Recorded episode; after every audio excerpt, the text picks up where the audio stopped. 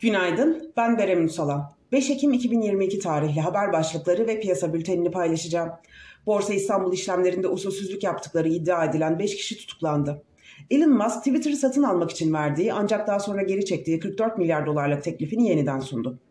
ABD'de yeni iş imkanları verisi 2020'den bu yana en düşük seviyeye inerken Fed yetkililerinden şahin açıklamalar gelmeye devam ediyor.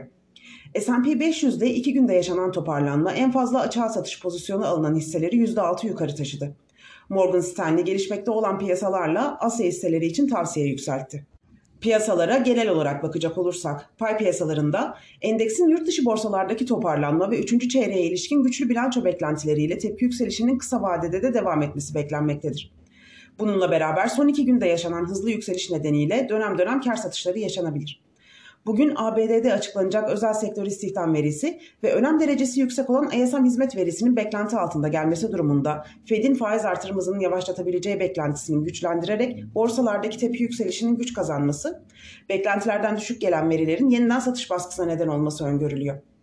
ABD ve Almanya vadeli endeksleri Borsa İstanbul kapanışına göre yatay seyrediyor. Asya borsalarında da alıcılı bir seyir hakim.